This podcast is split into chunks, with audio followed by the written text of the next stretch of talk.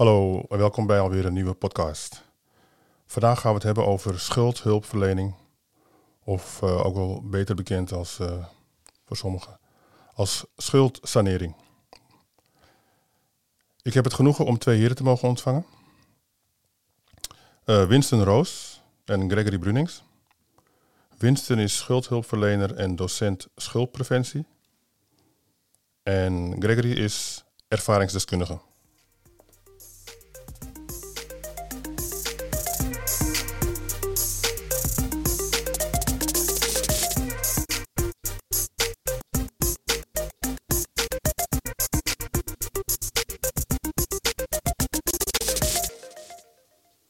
Heren, goeiedag.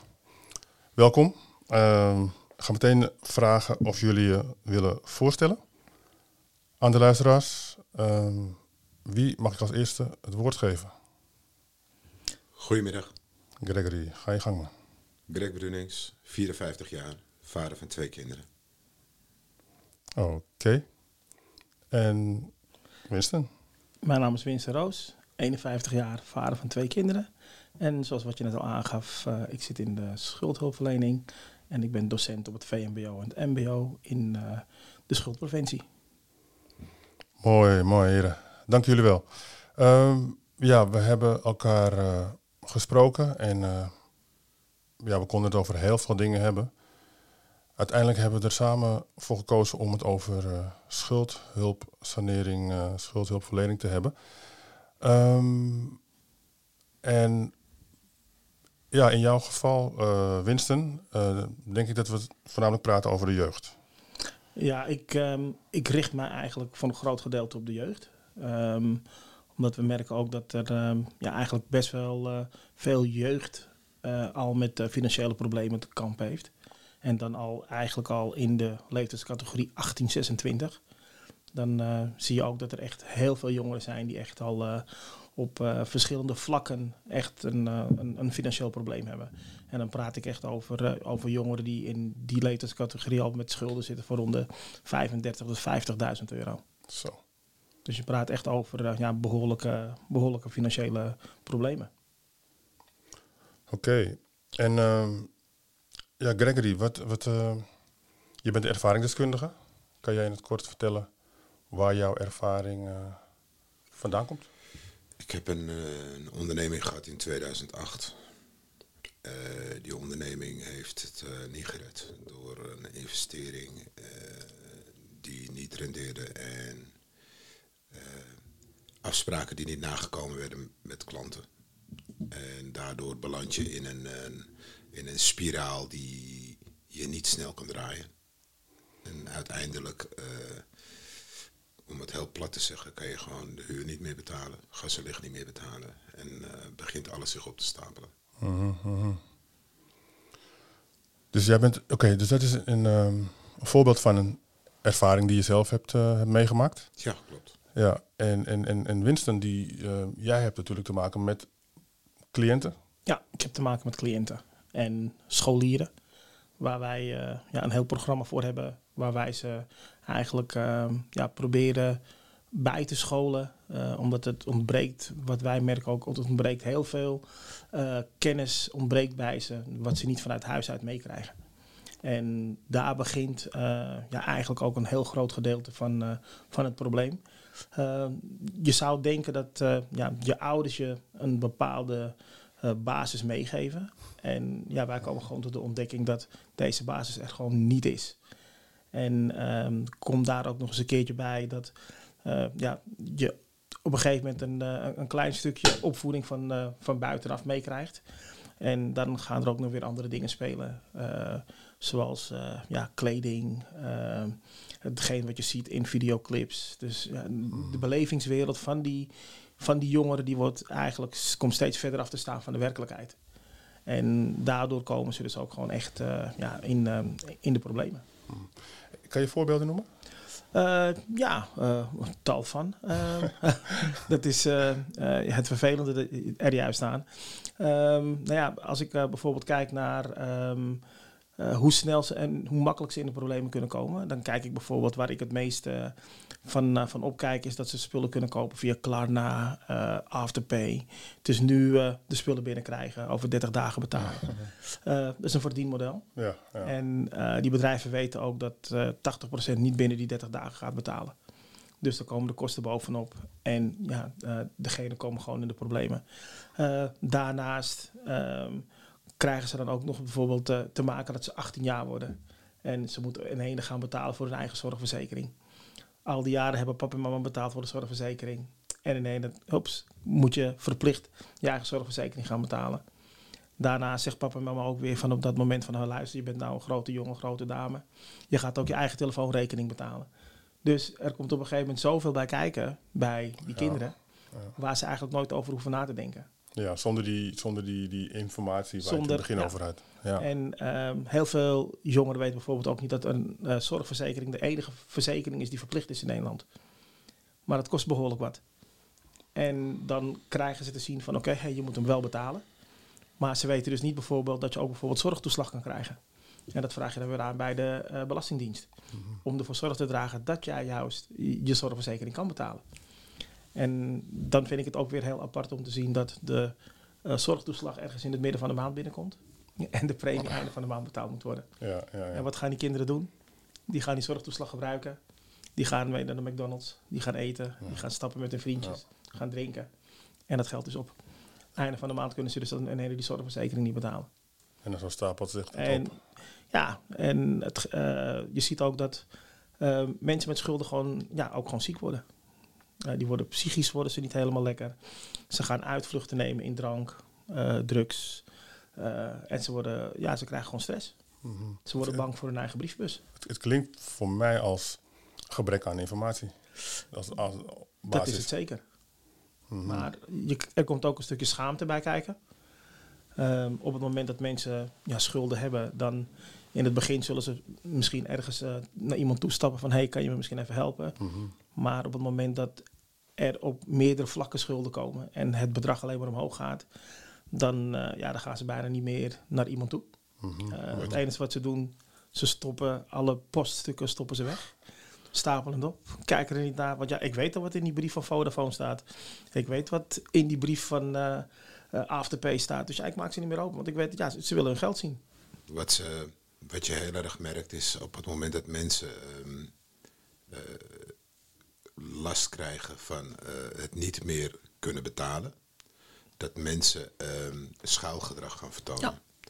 Ja. Um, ze gaan niet in eerste instantie gelijk om hulp roepen, want de gedachte heerst dat, ze dat, dat dat wel komt. Ik vind wel een job.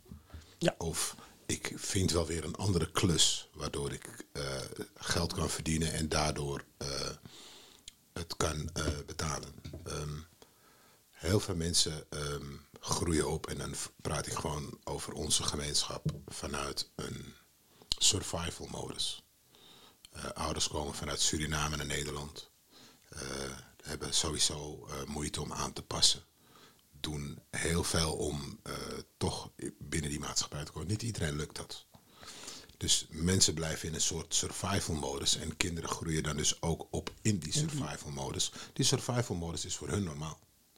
Dus het is voor hun ook normaal om te schuiven met de ene rekening naar de andere rekening. Zo groeien mensen op. En als je dan uh, met dat soort mensen een gesprek aan wil gaan van eerst alles uh, betalen. Nee, maar dat hoeft niet.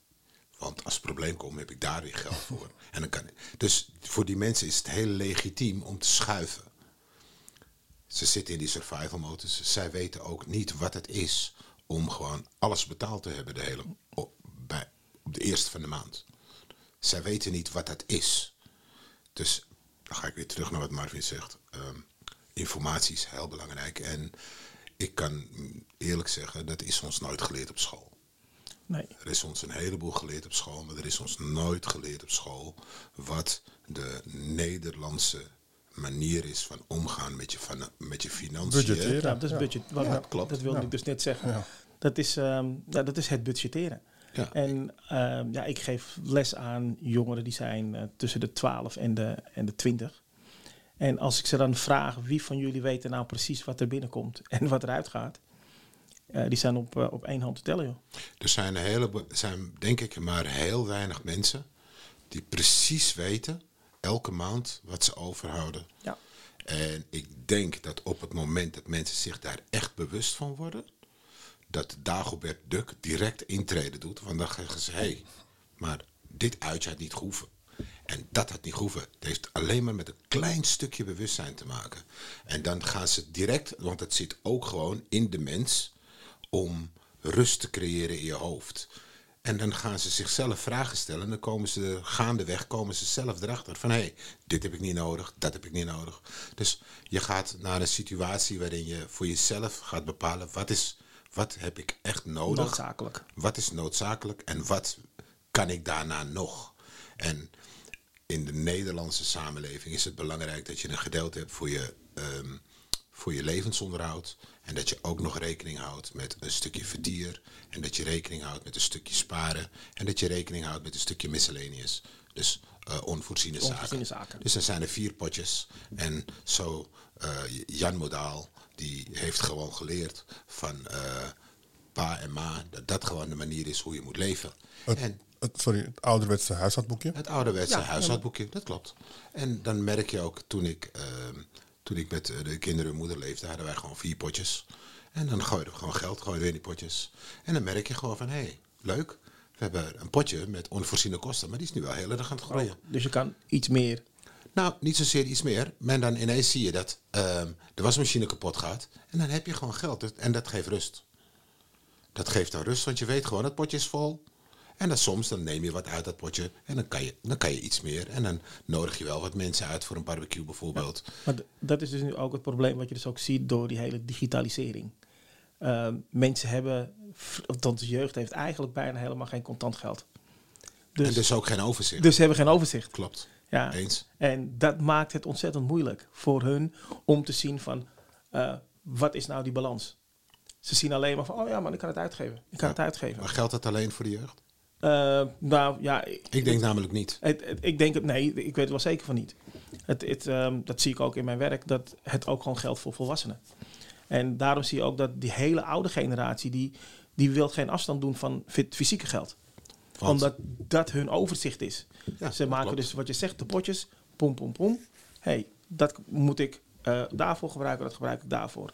En op het moment dat je het niet inzichtelijk hebt, ja, dan geef je alleen maar geld uit, zonder dat je eigenlijk weet van, hey, kan ik dat geld uitgeven? En daar begint dan het probleem, omdat ze dus niet het, eh, ja, het, een goed budgetplan hebben van wat zijn de inkomsten en wat zijn de uitgaven. Ik heb me via de gemeente Amsterdam heb ik mij eh, aangemeld voor schuldhulpverlening. En het is in Nederland heel erg moeilijk als ex-ondernemer je aan te melden bij een eh, instantie die wordt gefinancierd van, door de gemeente om die problemen op te lossen. Dat klopt. Dus er is in Amsterdam één eh, instantie en die heet Zuidweg en Partners. En die is voor de ex-ondernemers en de ondernemers. En op het moment dat jij eh, geen ondernemer meer bent, heb je eigenlijk al geen bestaansrecht meer voor zo'n instantie. En dan zeggen ze, we vinden het heel vervelend dat je die schuld hebt, maar wij kunnen jou niet Niet meer helpen. verder helpen. Nou, wij hebben hierin al meer dan het ondernemersloket daarvoor. Ja. Dus dat, dat is het vangnet en de instantie waar ze moeten zijn als Ja, ondernemers zijn. dat is waarschijnlijk nu, in, in- toen, ik praat nu over 2009, 2010, 2011. Eh, dat zal waarschijnlijk ook nu veranderd zijn bij de gemeente, want ook de gemeente heeft gewoon gezien dat er eh, heel veel ex-ondernemers zijn die ja. in de bijstand komen en eh, met een financieel plaatje, met een financieel gat blijven zitten. En Greg, jij praat over Amsterdam. Ik Klopt praat het? over Amsterdam. Ja, Klopt. Maar hetgeen wat je hebt, het geldt eigenlijk landelijk. Eh, er is eigenlijk voor de ondernemers is er niet zo gek veel. En eh, de ene gemeente doet er iets meer voor als de andere gemeente. Het is bijna eigenlijk alleen maar, ja, om het maar zo te zeggen, voor de, de, de particulier, Ja. de schuldhulpverlening. En het is echt een vak apart ook om het voor, voor ondernemers te doen. betekent dus wel dat je als particulier blijft zitten met, met, met een gat op het moment dat je je gaat aanmelden. En dan zegt ook eh, de particuliere eh, hulpverleningsinstantie, wij kunnen jou niet helpen, Niet want helpen, jij ja, dat hebt, klopt. eh, bent ex-ondernemer. Ondernemer, ja. Ik heb dus heel erg lang heb ik in zo'n spagaat gezeten. Met eh, alle brieven en alle eh, dreigementen van dien. Wat weer een, eh, zijn eh, weerslag heeft op je gemoedstoestand. Eh, ik kan ook eerlijk zeggen dat ik een tijdje in een depressie heb geleefd. Ja, maar dat is ook hetgeen wat, eh, wat heel vaak voorkomt, ook met mensen met schulden. Die komen echt gewoon terecht in een depressie. Eh, ze krijgen stress, worden ziek, met alle gevolgen van dien. Eh, schulden hebben is gewoon niet fijn. Nee, nee, En absoluut. ehm, men onderschat ook eigenlijk wat het ook gewoon doet met, eh, met mensen. Schulden hebben is fijn als je weet dat je ze kan betalen. dat is... Ja, dat is... Ja. eh, Want schulden en hebben we allemaal. We moeten huishuur betalen, Ja. we moeten Ja. licht. We, moeten, we hebben sowieso schulden.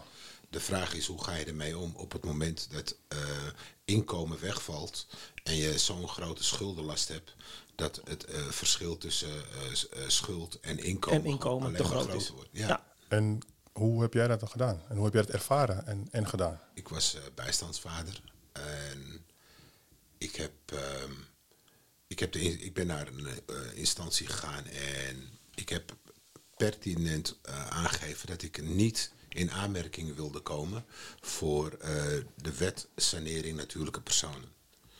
Ehm, dan ga je naar de rechtbank met, eh, een, met een kleine ordner en je gaat de rechter vragen of hij eh, alles wil kwijtschelden.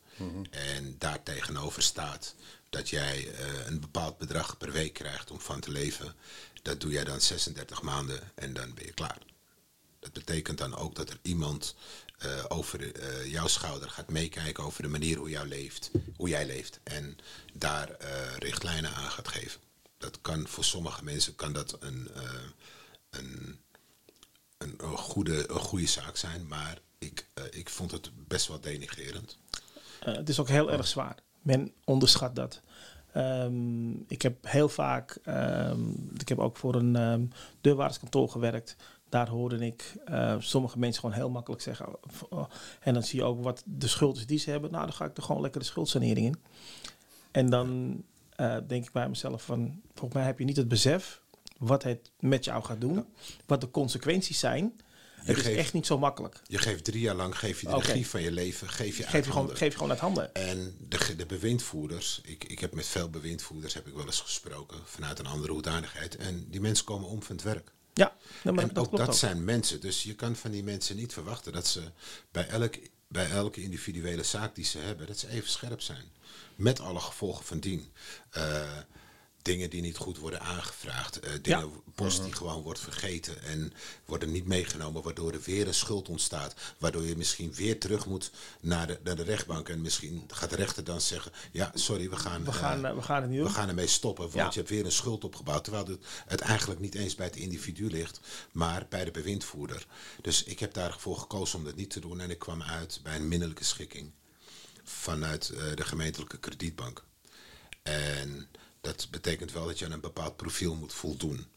En dat heeft mij iets van zeven jaar geduurd voordat ik uiteindelijk aan het profiel voldeed.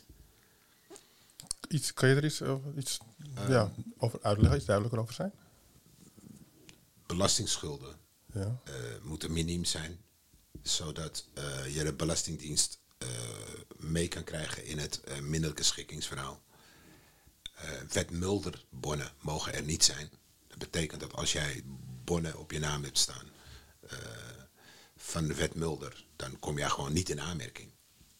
En dat een wet Mulder bonnen zijn hebben te maken met eh, het niet betalen van eh, motorrijtuigenbelasting, verzekeringen gepakt worden met een auto en je krijgt daar een bon voor. Dat zijn wet Mulderbonnen en dan zijn ze niet echt bereid om jou te helpen in jouw minderlijke schikking. Ehm, uiteindelijk is mij dat gelukt. Ik had eh, 23 schuldeisers met een totaal bedrag van ruim anderhalve ton. En iedereen is akkoord gegaan. En dat betekende dus dat ik dan eh, een bedragje van eh, ruim 50 euro per maand kon aflossen. Maar wat ik het mooiste vond, is dat er nergens staat geschreven dat ik ehm, eh, eigenlijk failliet ben verklaard. Ja, dat, Omdat het dus gegaan is in de minderlijke. In een minderlijke, in een minderlijk traject. En dat betekent dus ook dat eh, ik ten alle tijde de regie heb kunnen houden over mijn eigen leven. Dat neemt niet weg dat ik niet op zoek ben gegaan naar hulp, want het, komt wel er, het gedrag komt ergens vandaan. En ook ik ben op een gegeven moment naar een psycholoog gestapt. Ja. En ook ik ben gaan praten over eh, de, de gevoelshiaten die er zaten in mijn, in mijn zijn. En ik heb de mazzel gehad dat ik een, een, psycholoog eh, tegenkwam die vanuit dezelfde eh, familiaire situatie is opgegroeid. Eh, weinig mannen in, in de familie. Hij had zelf had hij vijf zusters, ik had er zes. Dus op het moment dat je dan gaat praten over jouw eh, gevoelens en eh, de, de, hoe zich dat uit in praktische zin, dan kon hij relaten. En op basis daarvan kon hij mij eh, handvaten geven die ik gewoon direct kon gebruiken. En ik denk dat, die, dat het, het, het traject schuldhulp en het traject eh, gevoel, dat is wel, gaat wel samen. Want je moet wel wat gaan veranderen. Ja. Alleen maar met één, alleen met een, met een middelijke regeling, met een middelijk traject of met een, een wet natuurlijke personen, ga je het niet redden. Nee, er moet echt een, eh, een omslag komen in de gehele denkwijze van, eh, van de persoon. Ja. Eh, wat ik net al aangaf, mensen schreeuwt heel makkelijk, ja, nou dat is goed, dan ga ik de schuldsanering in. En, maar op het moment dat jij op een gegeven moment die omslag moet gaan maken en iemand voor jou gaat bepalen wat jij in de week kan gaan uitgeven, nou, en dat voor de komende drie jaar, daar ben je absoluut niet blij mee.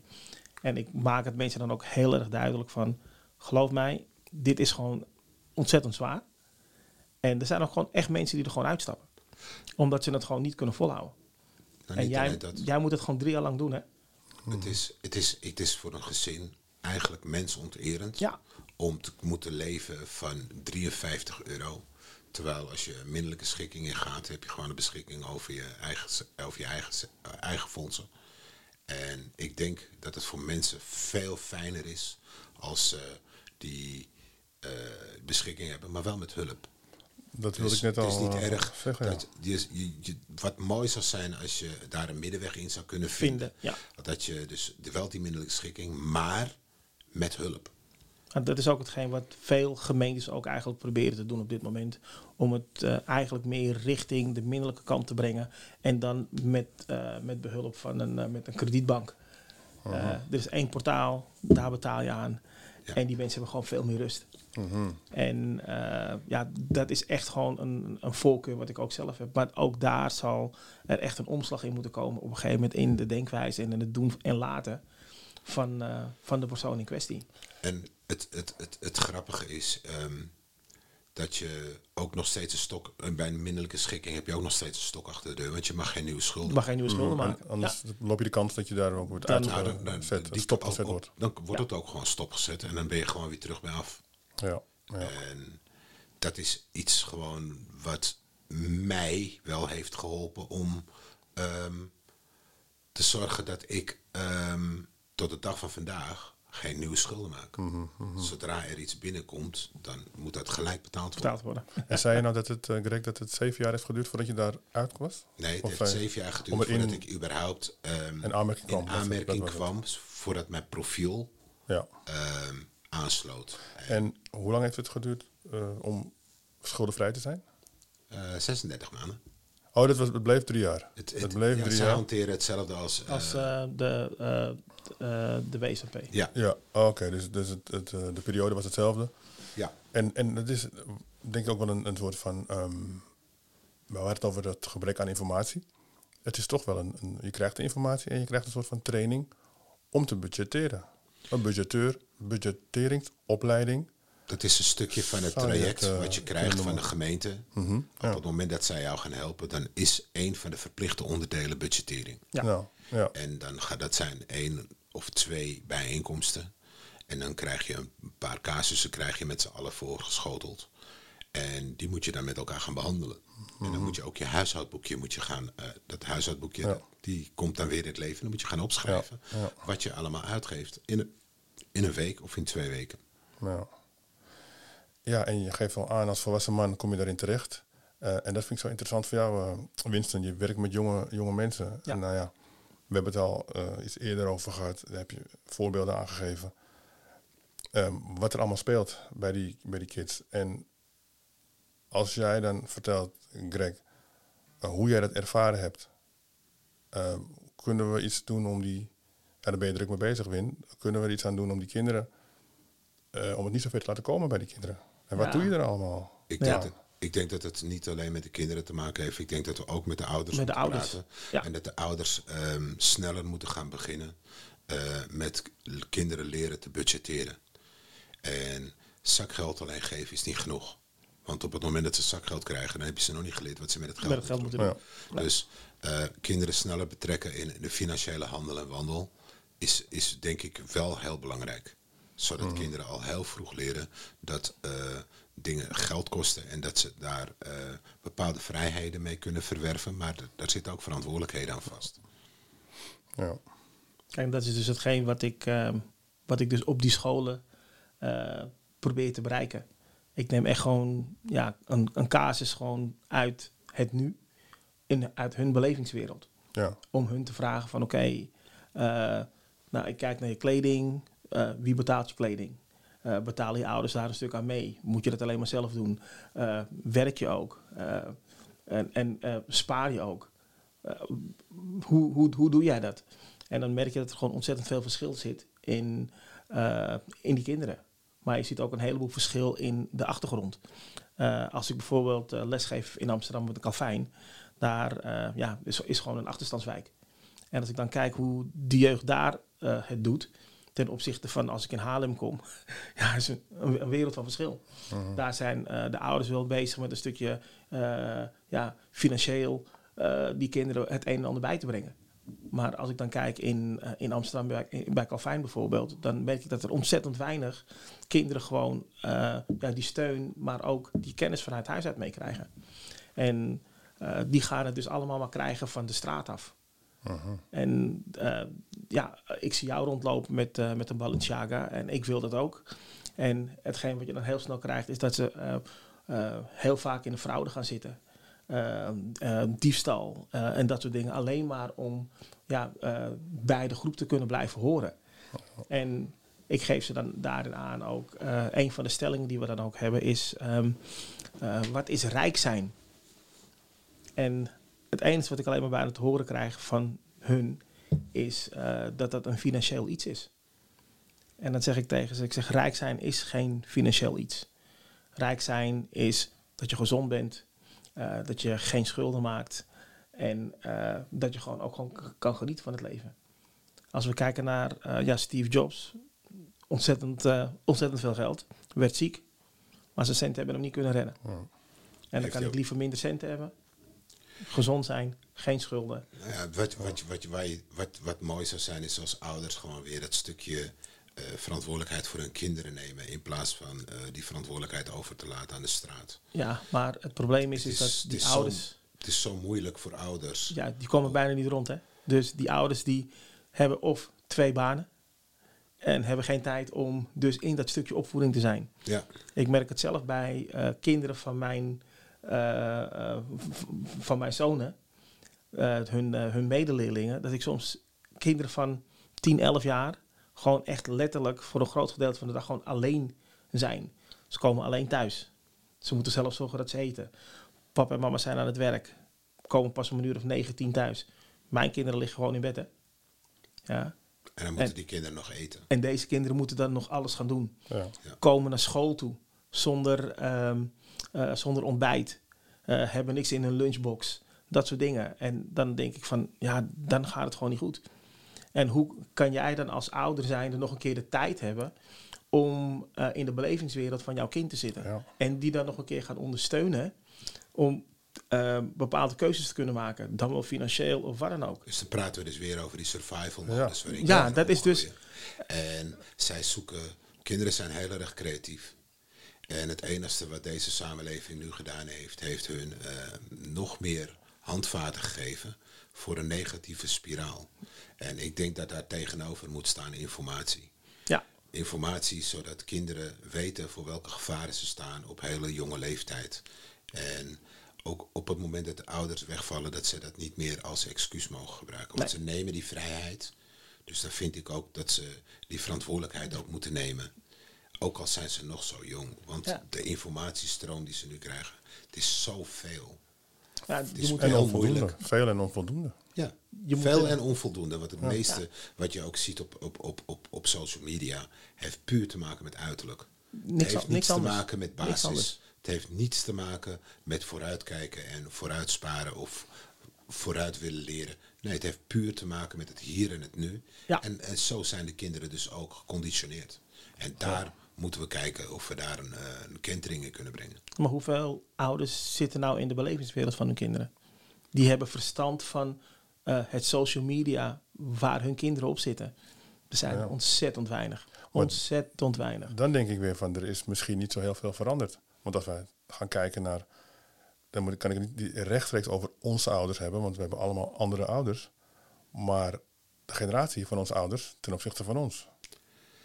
De kennis die zij hadden van wat er speelde in onze levens. En dan heb ik niet over bewust van, ze wisten waar ik was, ze wisten met wie ik omging. Maar meer met wat er speelde in het leven van een 16-jarige, het leven van een 20-jarige. Ja, Ze waren ook 20, 30 jaar ouder dan wij. Ik denk dat in, in, in, in de jaren 70 en de jaren 80, toen wij naar school gingen, was lesgeven ook heel anders. En werd er ehm, vooral lesgegeven op probleem en oplossing.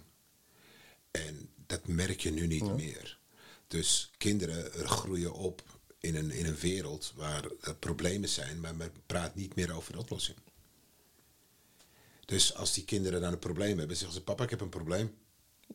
En wat, gaat die, wat gaan die ouders doen? Als ze zeg- het dus dan lossen zeggen. die ouders die lossen het Die gaan probleem het op- die gaan het oplossen. Dat uitleggen van hoe iemand het moet oplossen kost te veel tijd. Ja, dus hun gaan het, voor, hun gaan het oplossen. Die Ja. kinderen leren er niks van.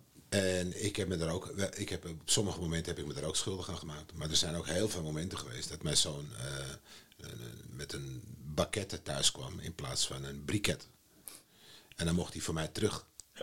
En dan zegt hij, ja, maar waarom moet ik terug? Ik zeg, nou ja, jij gebruikt een telefoon om mij te laten zien wat je wil hebben.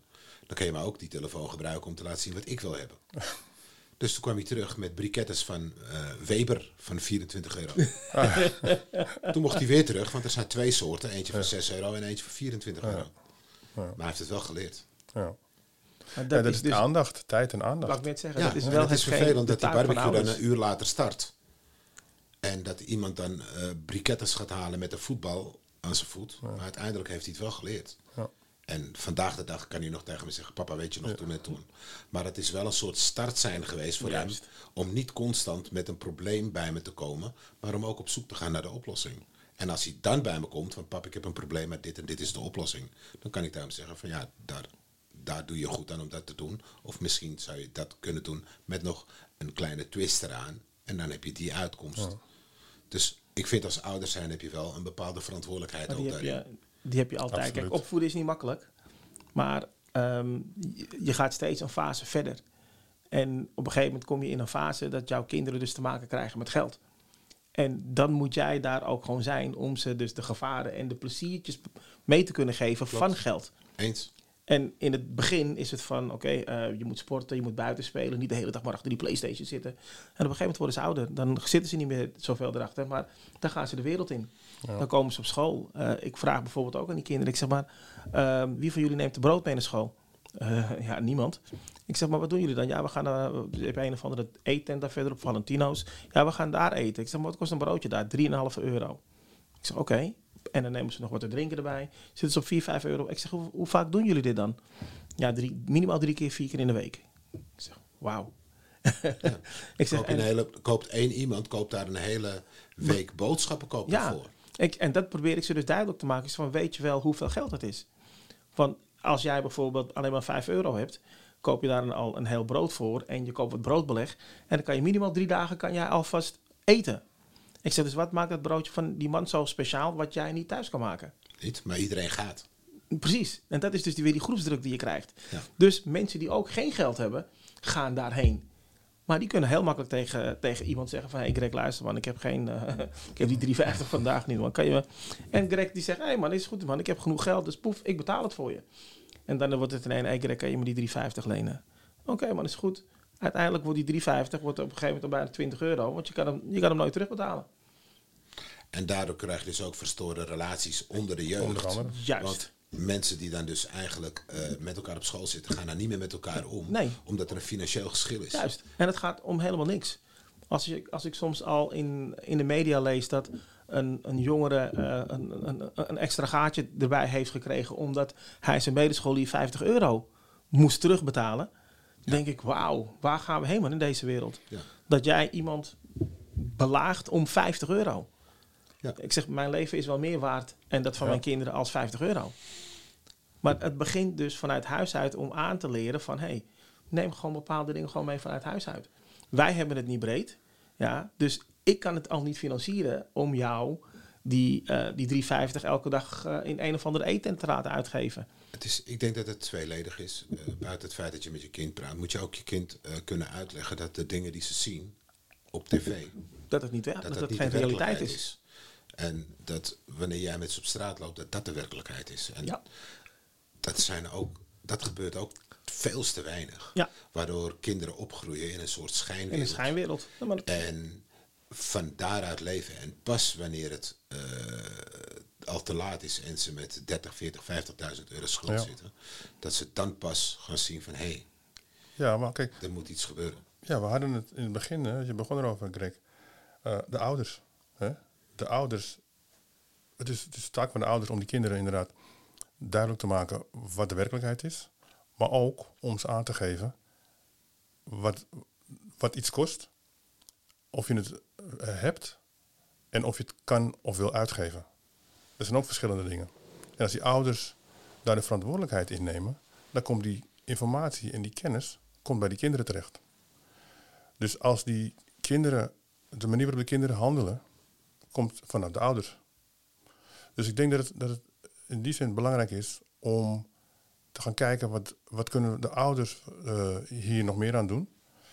Ehm, we hebben aangegeven ongeveer wat ze eraan kunnen doen, maar hoe zien wij dan dat eh, het werkelijkheid wordt?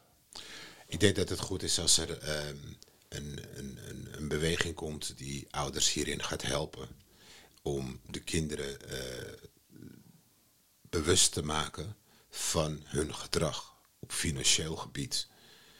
Wat doet het met jou als jij een creditcard hebt en jij gaat naar de bijenkorf voor die tas van Michael Kors? Wat doet dat met jouw liquiditeit op dat moment? En is het wel zo belangrijk dat jij die tas hebt van Michael Kors? Of die schoen van Balenciaga? En waarom is dat dan zo belangrijk? Wat voor gevoel heb jij eh, daarbij? Het- Dus, we spelen hier ook ehm, het Cashflow Game van eh, Robert Kiyosaki. Eh, Het is gebaseerd op het boek Rich Dad Poor Dad. En daarin leer je ook wat waarden zijn, wat assets en liabilities zijn. Eh, wanneer je eh, iets uitgeeft, eh, waarom je iets uitgeeft. En ik denk dat dat een hele belangrijke les is. En het hoeft niet per se via het spel te gebeuren, maar we hebben het erover. En dan denk ik altijd meteen weer aan het spel. Wat een spel is, wat is gebaseerd op de werkelijkheid. En daarin denk ik dat er heel veel zaken terugkomen. Omdat ik denk ook dat de kinderen hebben een bepaalde schaamte om niet te zeggen dat ze de 350 niet kunnen missen. Maar die ouders hebben diezelfde schaamte. Waardoor ook die ouders dat niet aangeven. En waardoor de kinderen dus niet het besef krijgen dat 350 veel kan zijn. En ja, om weer heel even terug te komen op het spel. In het, eh, door het spel leer je echt gewoon ja, te budget, budgetteren. En eh, het, het besef te krijgen van wat iets waard is en waar je wel of niet iets aan, eh, aan uitgeeft. Misschien zou het mooi zijn als je dit spel op scholen met kinderen gaat doen in een wat grotere vorm en misschien een wat simplistischere vorm. Het is een kinderspel. Maar dat je dan dus wel, dat kinderen dan dus wel leren dat geld consequenties met zich meebrengt. Ja. Buiten alleen eh, vrijheid. Nou, dat is hetgeen wat wij dus ook. eh, wij hebben dus ook een spel ehm, op, eh, op zes vlakken zijn dat. Eh, inkomsten, uitgaven, sparen, lifestyle, eh, onder andere. En eh, dan werken we dus ook met eh, ja, gewoon eh, geld. En dan eh, starten dus met. eh, ze starten met, eh, laten we zeggen, eh, 650 euro. Maar daarin wordt ook aangegeven van hey, je moet je sportschool betalen. Je, kan, je krijgt extra inkomsten omdat je hebt opgepast bij de buren. En uiteindelijk moeten ze dus dan op een gegeven moment gaan kijken van oké, maar hoeveel geld heb ik uiteindelijk verdiend? En hoeveel heb ik over? Oh, wacht even. Als ik te veel lifestyle heb, ja, zie ik dat mijn geld alleen maar naar beneden gaat. Want het mhm. kost alleen maar geld. Uh, want als ik uh, Netflix wil hebben, ik wil gaan stappen met vriendjes. En dat kost gewoon geld. Dus uiteindelijk gaat die balans de andere kant op slaan. En dat zien ze dan. En ja, ik zeg ook altijd, als zouden wij van die 20 leerlingen die ik in een klas heb zitten, als zou ik doordringen tot 4, 5, heb ik mijn taak al gedaan. Ja. En uh, die andere uh, 15, die zullen misschien een keer denken, oh shit, ja, dat heb ik toch even gehoord. Misschien moet ik daar toch nog eventjes over nadenken. Ik heb twee kinderen, als het bij eentje lukt, Daarom. zit ik al op 50%. Ja, en datzelfde heb ik ook. Ik heb twee verschillende, twee verschillende kinderen. Waarbij de oudste ja, echt op zijn geld zit. mm. waarbij ik soms maar zeg, hey, je mag wel iets uitgeven. En die jongste, ja, die, die denkt dat het geld gewoon... Uh, ja, als hij zijn pasje weer in die pinautomaat stopt, dat er gewoon automatisch weer weer geld uitkomt. Surf ja, die wil het gewoon alleen maar uitgeven. En dus daar heb ik discussies mee. Van, uh, het enige wat je kunt doen is uh, zaadjes planten. Het met ze hebben over geld en het met ze hebben over uh, verantwoordelijkheid en vrijheid. En dat die twee gewoon hand in hand die gaan. hand in begint bij kleine kinderen al van als jij mij kan vertellen waar jij bent en jij bent daar ook, dan mag jij daar naartoe. Dan hoef ik jou daar niet naartoe te brengen. Zo begint het stukje. En als ze dan met een vriendje meegaan en ze vertellen niks, dan moet je weer terug naar af en dan mag je voor de deur spelen, want dan kan ik jou zien. En zo leren ze gewoon om verantwoordelijkheid, verantwoordelijkheid. en vrijheid samen dat, dat die samen hand in hand gaan. En daarna ga je dat uitbouwen. Niet alleen naar het financiële, maar ook naar het, het immateriële in, in hun hoofd. En dan leer je Mentaal. het mentale gedeelte. Ja, ik, ik vind het ook eigenlijk best wel jammer dat, uh, dat de scholen uh, dit eigenlijk nu uh, moeten gaan doseren. Maar aan de andere kant ben ik wel heel erg blij ermee. Puur mm. omdat het vanuit huis uit niet gebeurt. Maar ja, wat, uh, wat Greg ook zegt, het zou gewoon echt gewoon heel goed zijn als we gewoon de ouders kunnen bereiken. Ja. Ja, dat, dat een stukje, uh, hun zitten nu in een leeftijdscategorie, hun kinderen, waarbij hun dat, moet, dat stokje moeten gaan doorgeven. Juist. Maar het begint eerst bij hun. We moeten hun ervan bewust kunnen maken van, hé, hey, jouw patroon moet jij ook doorbreken. Ja, ja, en jij moet je schaamte voorbij. En dan kan jij het weer doorgeven aan jouw kinderen. Ja, dus een stukje schaamte, dat blijft een lastige. Want um, kijk, ik denk automatisch weer aan het. Ik denk automatisch weer aan het, het boek Rich Dad Poor Dad. En ik heb er geen aandelen in het bedrijf. Uh, het is in Nederland ook rijke pa, arme pa. Maar dus ik denk echt dat het echt een heel, veel, heel waardevol zou kunnen zijn voor de ouders. Maar ik heb nog een vraag voor het afronden. wordt er bij de Winston leren jullie de kinderen ook hoe ze meer zouden kunnen verdienen? Hoe de kinderen meer omzet of, meer, ja, uh, meer, meer, geld kunnen verdienen, waardoor ze dus wat meer uit kunnen geven? Uh, ja. Omdat ze misschien toch denken van ja, maar wacht eens even, ik wil wel die Prada en die Gucci spullen. Ja, kijk, dat zijn uh, op een gegeven moment probeer je dat wel aan te geven van dat als je iets wil, moet je een doel hebben en voor dat doel moet je sparen. En uh, dat kan zijn of door ja, bepaalde werkzaamheden te verrichten. En uh, als je bijvoorbeeld uh, geld krijgt voor je verjaardag om dat te sparen, in plaats van het gewoon per direct uit te geven. Je moet gewoon weten wat, er, aan wat geef jij je geld uit. Waaraan, wanneer. Ja. En als jij dus een bepaald doel hebt, ja, dan spaar je daarvoor. Ja. Want je kan je geld per slotverrekening maar één keer uitgeven. Klopt. Dus het doel hebben en, en, en informatie, informatie blijven doorgeven. Ja. En regelmatig oefenen met budgetteren. En dat wilde ik net zeggen, dat is het belangrijkste uh, wat ik ze elke keer meegeef. Uh, doe dat misschien één keer in de twee maanden. Als er iets verandert in jouw situatie, bijvoorbeeld dat je meer gaat werken, uh, of dat je een andere baantje hebt gevonden waar je meer gaat verdienen, maak dan opnieuw een budgetplan voor jezelf. Van hey, zodat je weet, oh, nou, dit blijft erover. Oké, okay, heren. Um, ik wil het hierbij laten, omdat um, we hebben nog zoveel te bespreken. En uh, we kunnen hier misschien een volgende keer op terugkomen. Ik wil je nog één ding vragen om nog een laatste woord te richten van wat zou je nog willen meegeven aan, uh, aan de luisteraars? Zorg altijd dat je bewust bent van eh, je eigen ontwikkeling. Ook al heb je het op dat moment even moeilijk. Op het moment dat je er niet meer uitkomt, zoek hulp en laat het probleem nooit groter worden dan dat het is. Nice, nice. Ja, ik wilde daarop aansluiten. Uh, goed dat Greg dat zegt. Ja, zorg in ieder geval dat uh, je op het juiste moment uh, ja, de hulp gaat zoeken. En laat het niet groter worden. Wacht niet te lang. Want op een gegeven moment ja, ga je het niet meer overzien. En dan wordt het probleem dus echt alleen maar groter. Oké, okay, heren. ik wil jullie bedanken voor, voor jullie bijdrage. Ik denk dat heel waardevol is geweest. Ik denk dat er heel veel mensen zijn die hier iets aan hebben. Um, heb je als luisteraar uh, iets aan deze informatie gehad? Wil je meepraten? Ken je mensen die willen meepraten? Uh, laat het dan weten door een reactie te geven op deze podcast. Stuur een e-mail. Bedankt voor het luisteren en tot de volgende podcast.